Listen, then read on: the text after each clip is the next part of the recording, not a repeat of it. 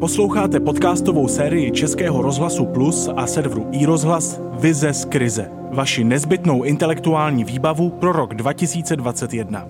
Já jsem Vítek Svoboda a vítám vás u dalšího dílu. Vize z krize. Zdá se, že jestli někdo vzal krizi jako příležitost, jsou to české firmy.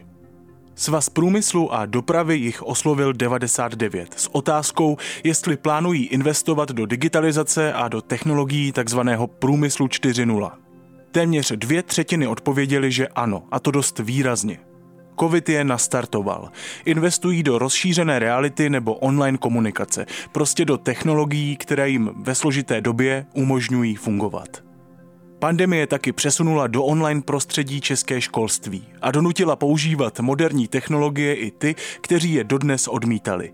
Bez vymožeností internetu bychom se totiž za poslední rok moc neviděli ani neslyšeli. A tablety v domovech seniorů asi často zpříjemnili den kde jaké babičky nebo vnuka. Jak tedy krizi vzít jako příležitost v nejen technologickém růstu? Zeptali jsme se na nejvyšších místech. Své zamyšlení pro podcast Vize z krize připravila Tatiana Lemoň, ředitelka české, maďarské, rumunské a slovenské pobočky společnosti Google. Jedna z nejmocnějších žen domácího internetu je držitelkou ceny Křišťálová lupa. Časopis Forbes ji řadí mezi 50 nejvlivnějších tuzemských žen a už víc než 10 let se umistuje v anketě Top ženy Česka. Jak pandemie pomohla rozmachu digitálních technologií a co si z těžké doby můžeme odnést? Poslechněte si její vizi.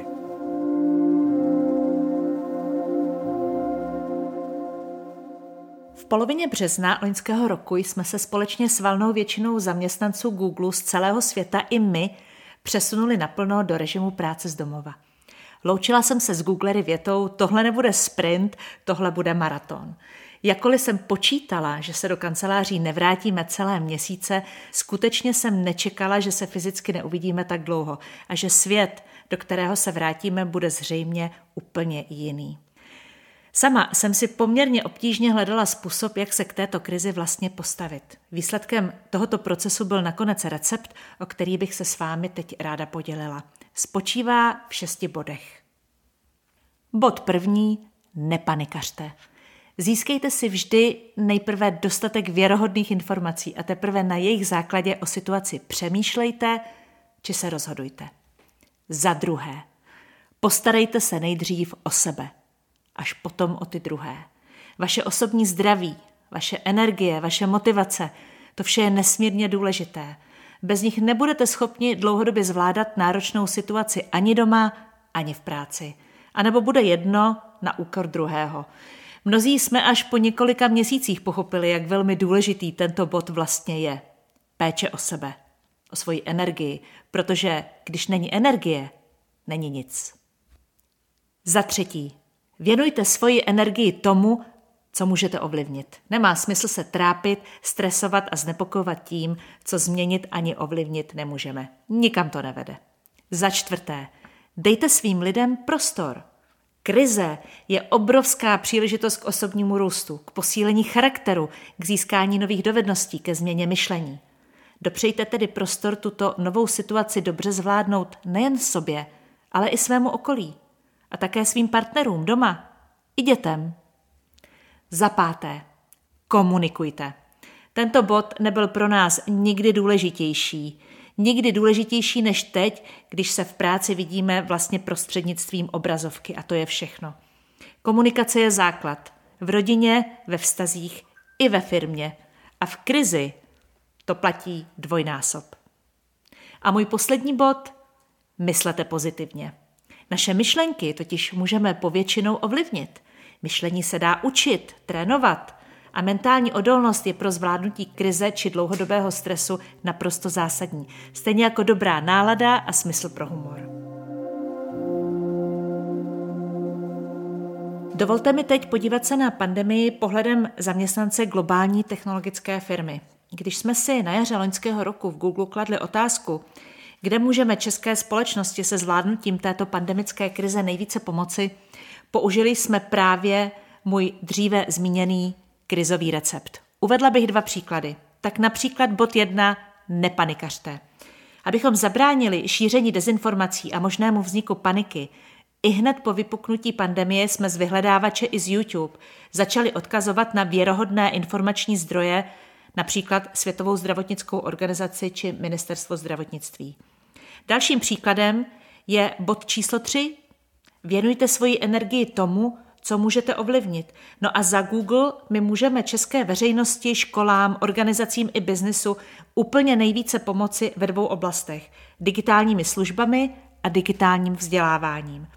Dovolte nejdříve pár slov ke vzdělávání.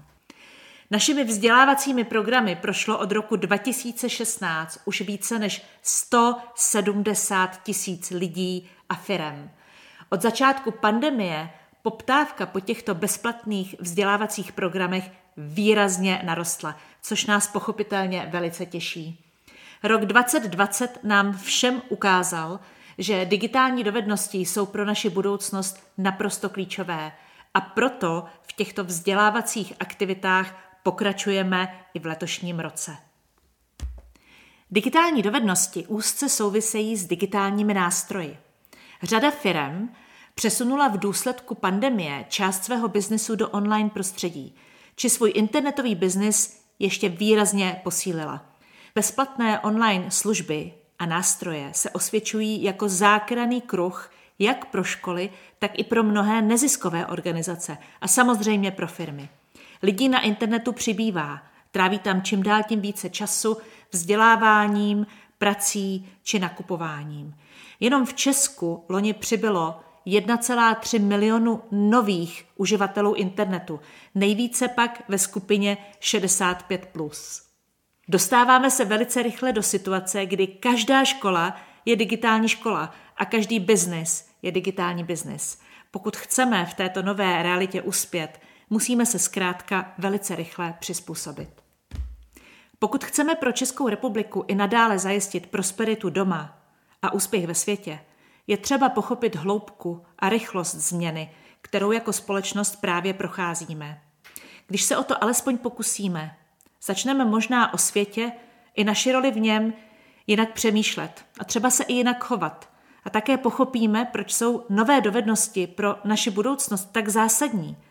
Závisí na nich naše vzdělanost, naše prosperita i naše konkurenceschopnost. Zkrátka, jak se kdysi ptal Albert Einstein a také si krásně odpověděl.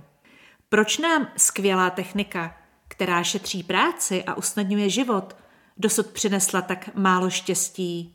Odpověď je prostá. Protože jsme se ji nenaučili rozumně užívat. A dostáváme se nakonec k poslednímu bodu mého návadu na to, jak se dostat z krize. A tím bodem je spolupráce.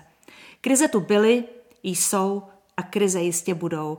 Svět ovšem nikdy nebyl tak komplexní, rychle se měnící a zároveň tak propojený. Covid nám ukazuje, jak velká výzva před námi jako společností stojí. Pokud chceme tuto současnou krizi zvládnout a dobře se připravit na ty, které teprve přijdou, musíme se naučit jako česká společnost navzdory svým odlišným postojům a názorům daleko lépe vzájemně spolupracovat. Jak doma mezi sebou, tak i se světem kolem nás. Vize z krize. Tak a to byla poslední vize z krize. Doufáme, že vám jednotlivé epizody přinesly inspiraci a zajímavé podněty k zamyšlení. Budeme moc rádi, když podcast doporučíte přátelům, nebo víte co, klidně i nepřátelům. Taky ho můžete sdílet nebo ohodnotit v podcastových aplikacích. Rádi bychom vám doporučili i další podcasty Českého rozhlasu. Konkrétně názory a argumenty, podcast Jak to vidí a samozřejmě i, troufáme si říct, nejlepší český spravodajský podcast Vinohradská 12. K jejich odběru se můžete přihlásit ve vaší oblíbené podcastové aplikaci nebo v mobilní aplikaci Můj rozhlas CZ. Na naší sérii pracovalo mnoho lidí. Chtěli bychom poděkovat hlavně všem autorkám a autorům, kteří nám věnovali svůj čas a sdíleli s námi svá zamyšlení. Za celý tvůrčí tým Vize z krize se loučí Vítek Svoboda. Budeme se těšit zase příště. Vize z krize. 21 osobností a jejich inspirativní myšlenky pro blízkou budoucnost. Poslouchejte ve vysílání a na webu Českého rozhlasu Plus, na serveru iRozhlas, v mobilní aplikaci Můj rozhlas CZ a ve všech dalších podcastových aplikacích.